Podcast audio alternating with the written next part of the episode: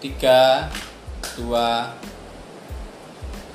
Halo semuanya, salam sejahtera bagi semua pendengar kita. Eh, senang sekali akhirnya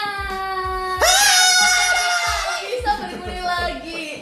Hmm, formasinya masih seperti yang dulu ya. Enggak, tambah satu lagi. Oh ya. Sebagai seorang lagi. ibu kita yang ada di sini. Oke, sebagai naras eh bukan narasumber juga sih sebenarnya, tapi teman Gembira. teman teman bercakap kita bertambah.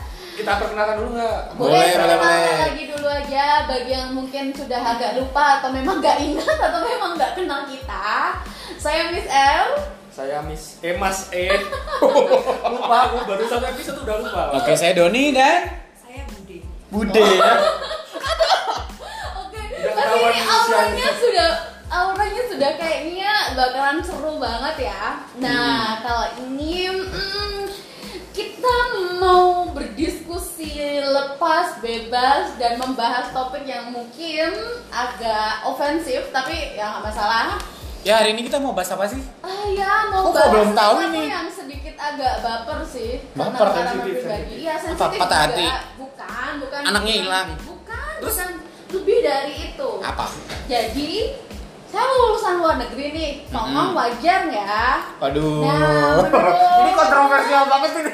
Menurut teman-teman semua bagaimana nih? Mungkin bisa dimulai dari yang paling heboh. Silakan. Oke, kalau saya sih bukan lulusan luar negeri ya, tapi saya sebagai dosen tamu.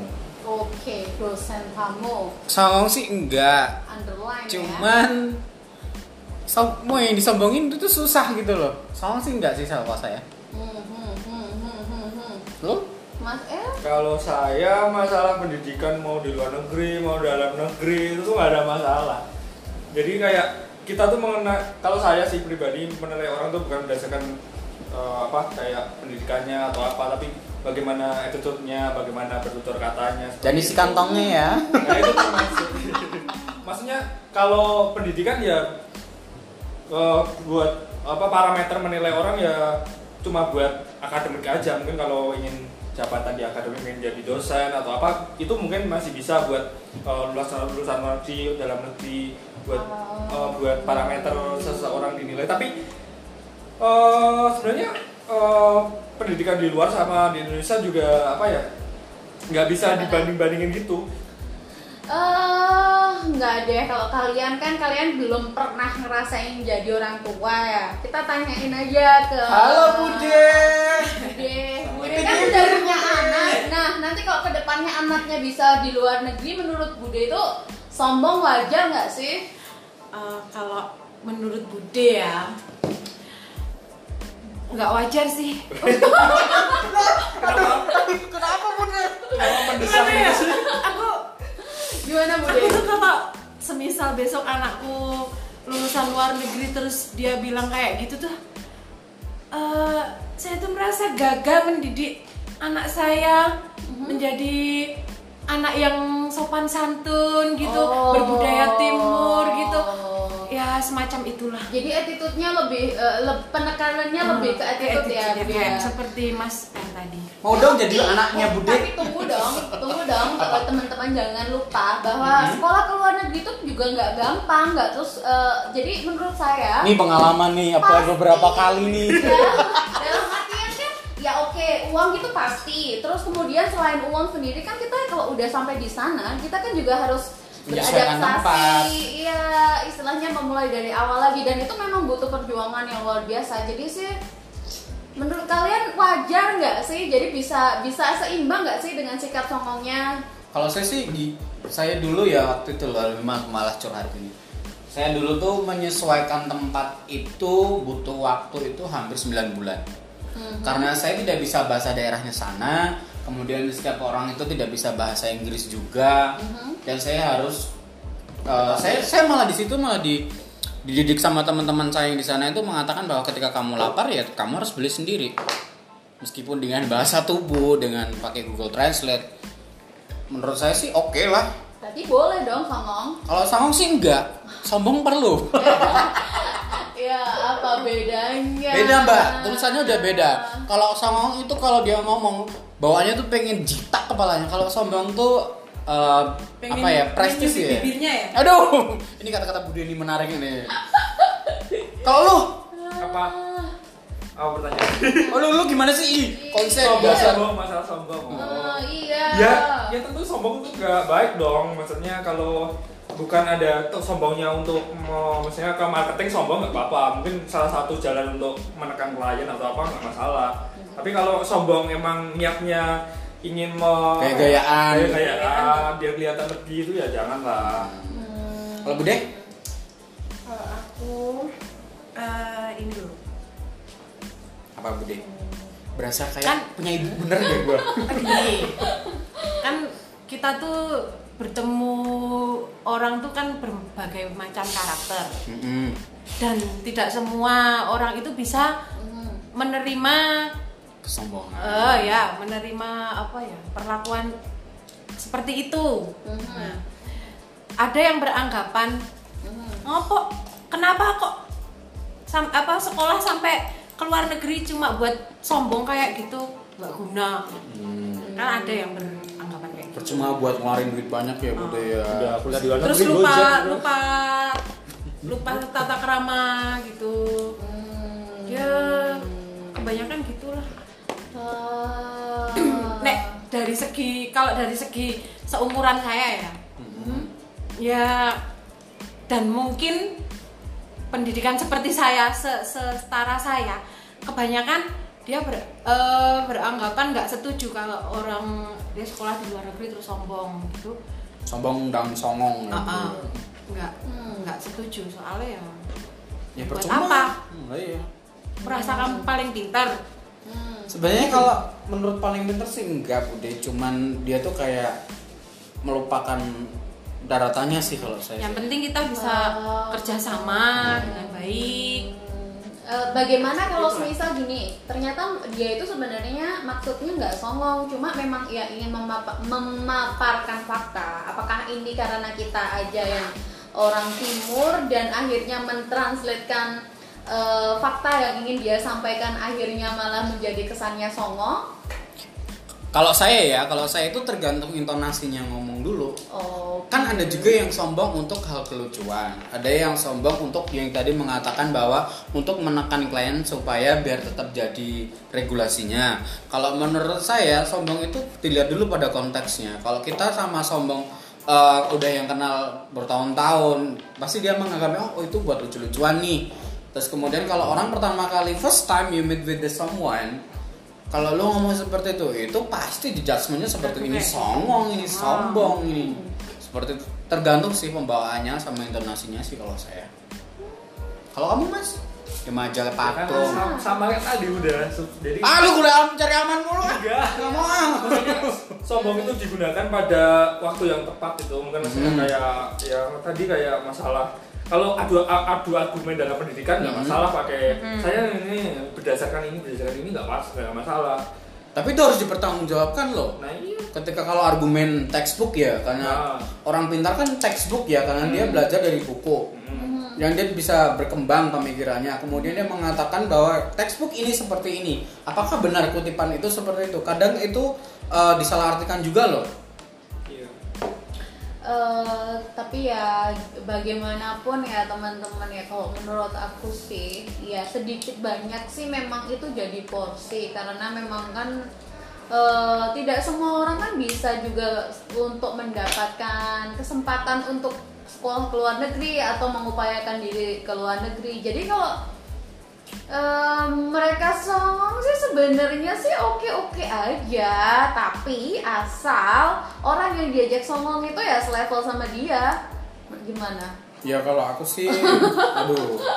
Jadinya perang argumen nantinya ya jatuhnya. Aku sih nggak perang perang argumen sih perang ya, intelektual. eh, kayak gitu aja. Soalnya sebenarnya ini aku yang baper tapi aku malah jadi yang jadi yang defensif ya. Ya secara kamu yang jadi korban tadi. Nah ini ada kemarin ada itu ada topik kan Ya. ada orang pelajar eh, lagi mahasiswa di luar, di luar negeri. Nah tapi dia kehabisan biaya buat kuliah.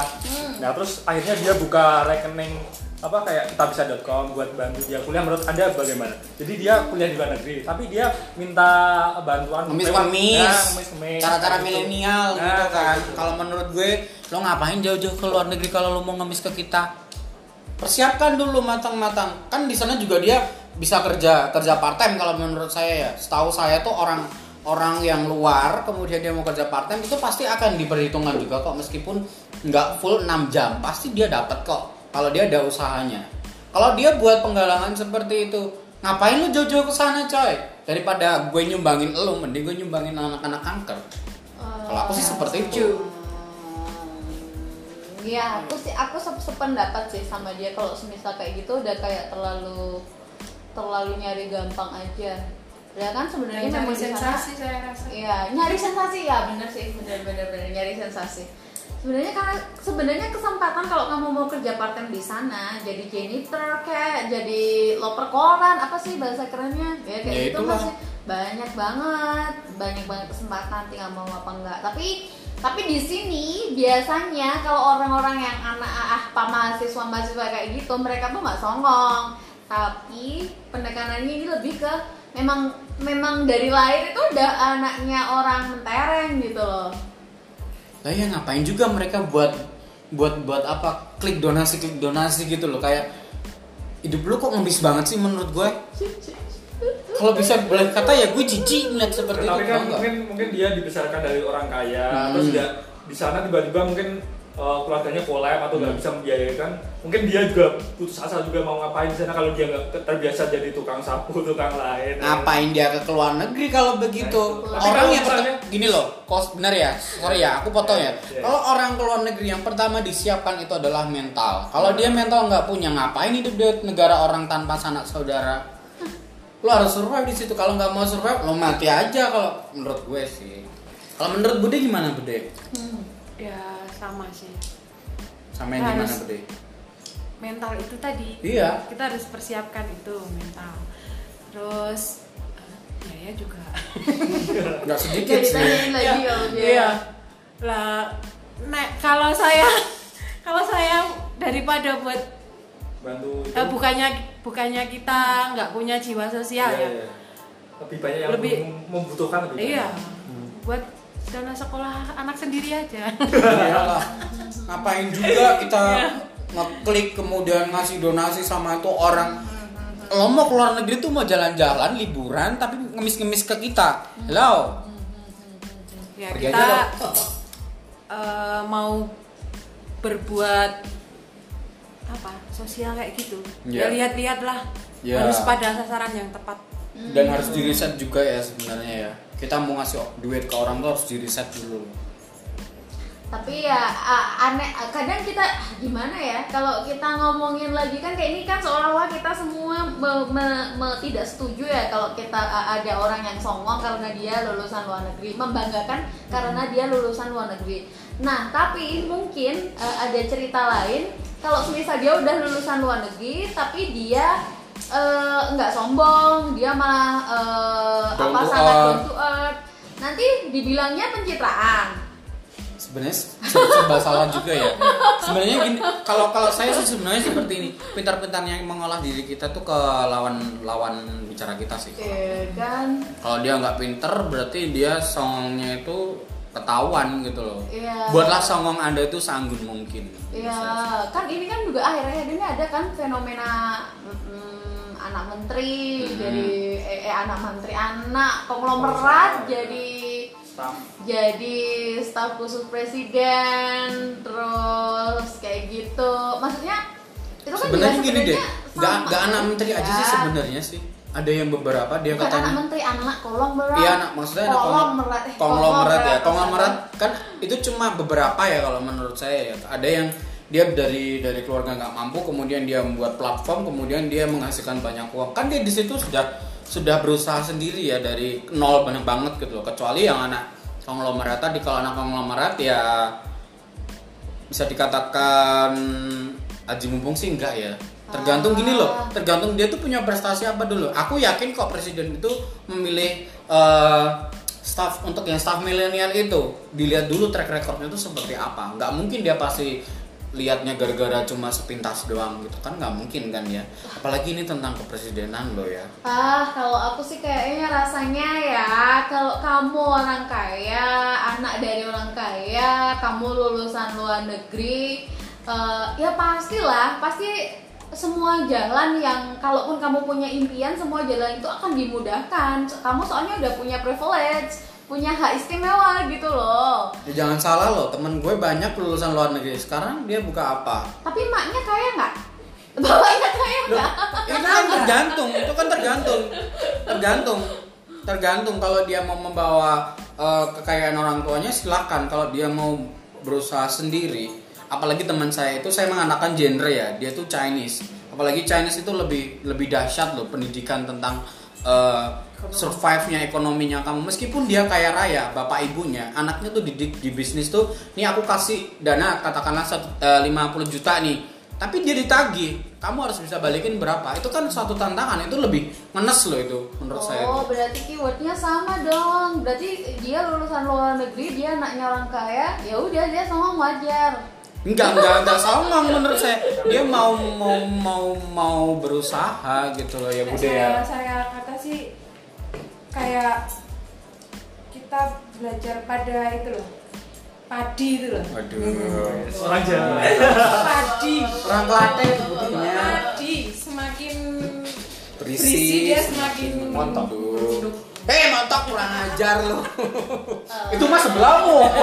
Oh, enggak semakin baca buku semakin montok nih Kan zaman old ya, Bude. Kalau sekarang kan zaman now, apa-apa langsung diposting.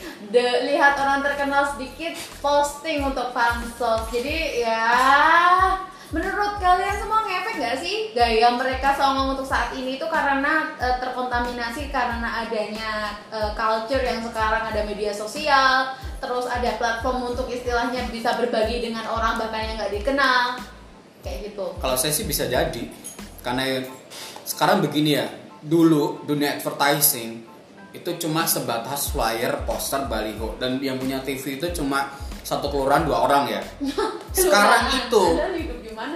Itu zaman dahulu. Kita zaman dahulu dulu. Kemudian ada kemajuan yang namanya TV kemudian setiap keluarga punya TV dan TV itu ditonton oleh satu keluarga yang minimal empat orang atau lima orang. Bener kan? Nah sekarang memasuki dunia era digital atau dengan smartphone itu sudah sampai ke titik yang namanya iklan itu masuk ke private mata para pendengar. Jadi kalau misalnya gini loh dia lihatnya secara langsung dan tiap hari daily itu akan eh, mempengaruhi.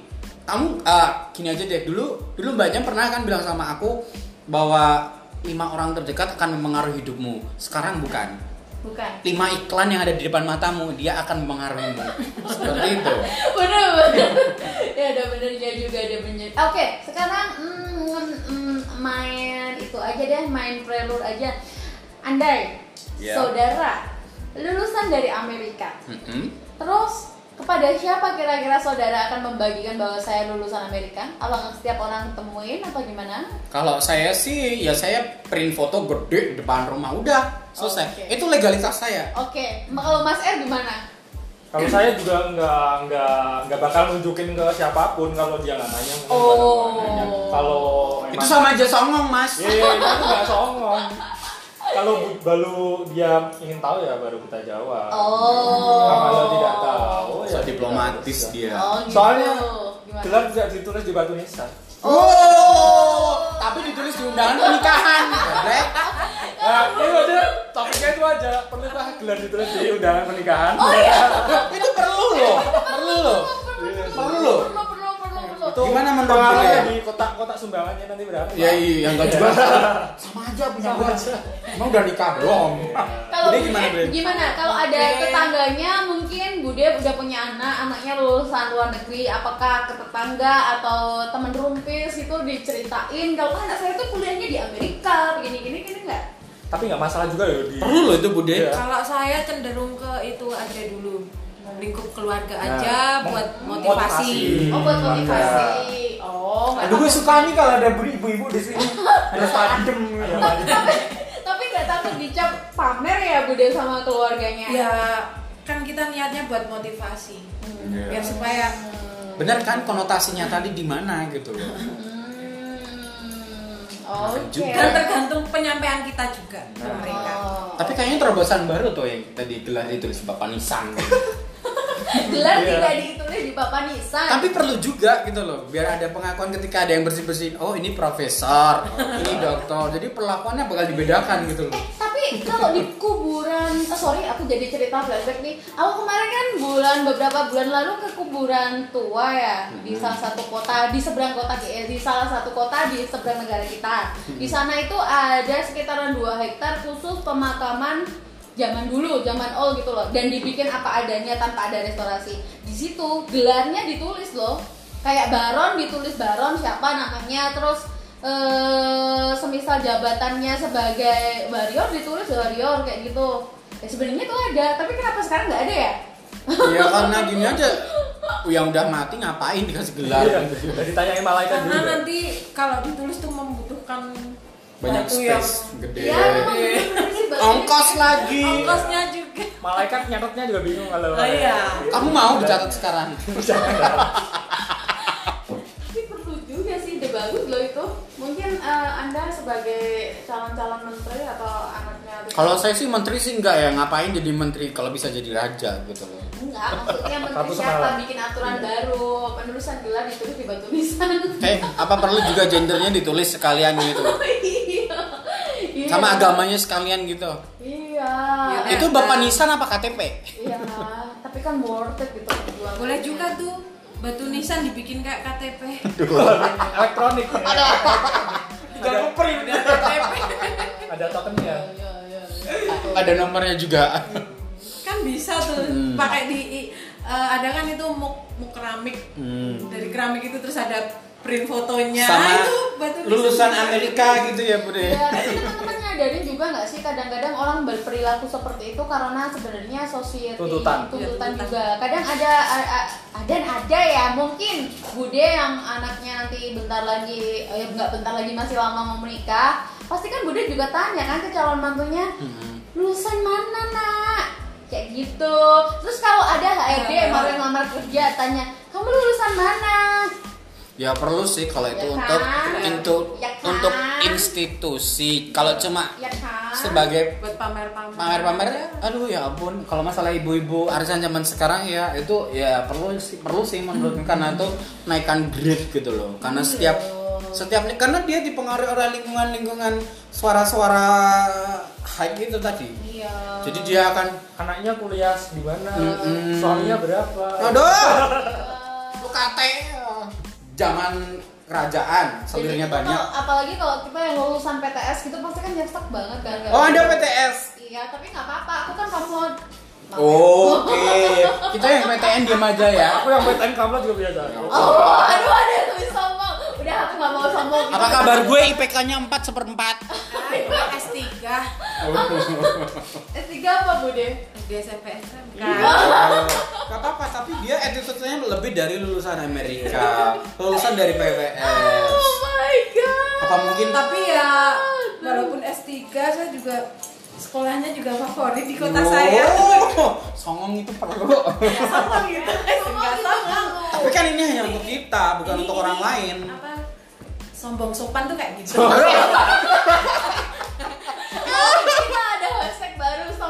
sopan saudara-saudara Ya sih. Ini tadi eh, topiknya sangat-sangat menjalar ke mana-mana Iya ya. ya, ini, ini jadi eh, apa meluber em, dan ini durasinya kayaknya udah kepanjangan deh.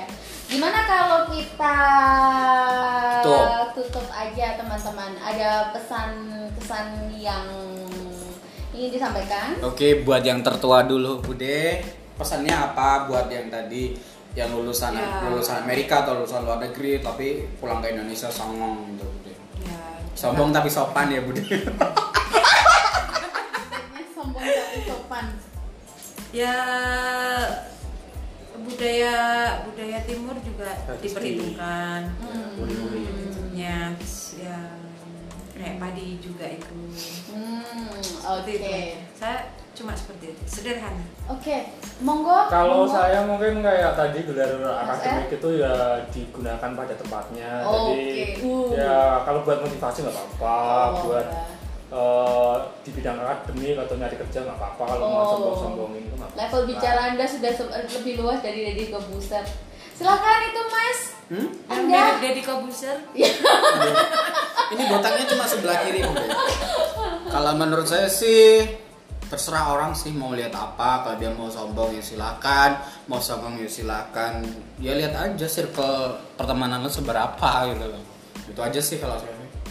Oke, kalau gitu sepertinya sudah cukup. Kalau saya sih nggak perlu ya dengan su- ya perlu lah giling Nggak, kalau saya sih lebih lebih ke standar aja. Input itu pasti ada output. Kalau inputnya itu untuk sesuatu yang positif, pasti nanti outputnya audiensnya siapa aja yang diajak mendengarkan pasti hasilnya juga outputnya juga positif. eh begitu aja ya topik kita yang sudah meluber-luber bagaikan tapi air menyenangkan loh hari ini kita dapat narasumber baru bukan narasumber sih ya Ya. podcaster baru Iya. kita perlu loh juga loh eh, selanjutnya berkolaborasi dengan pandangan seorang. Sama si seorang siapa gitu. Iya, lebih banyak lebih menarik sebenarnya yang dibahas apa bisa seperti bisa. itu. oke. Oke, terima kasih ya Terima buat kasih, para pendengar salam ya. sejahtera buat para pendengar. Tetap berpikir positif. Yes. dan jangan lupa jaga kesehatan. Iya dan jagain hatimu buat yang lain. salam sejahtera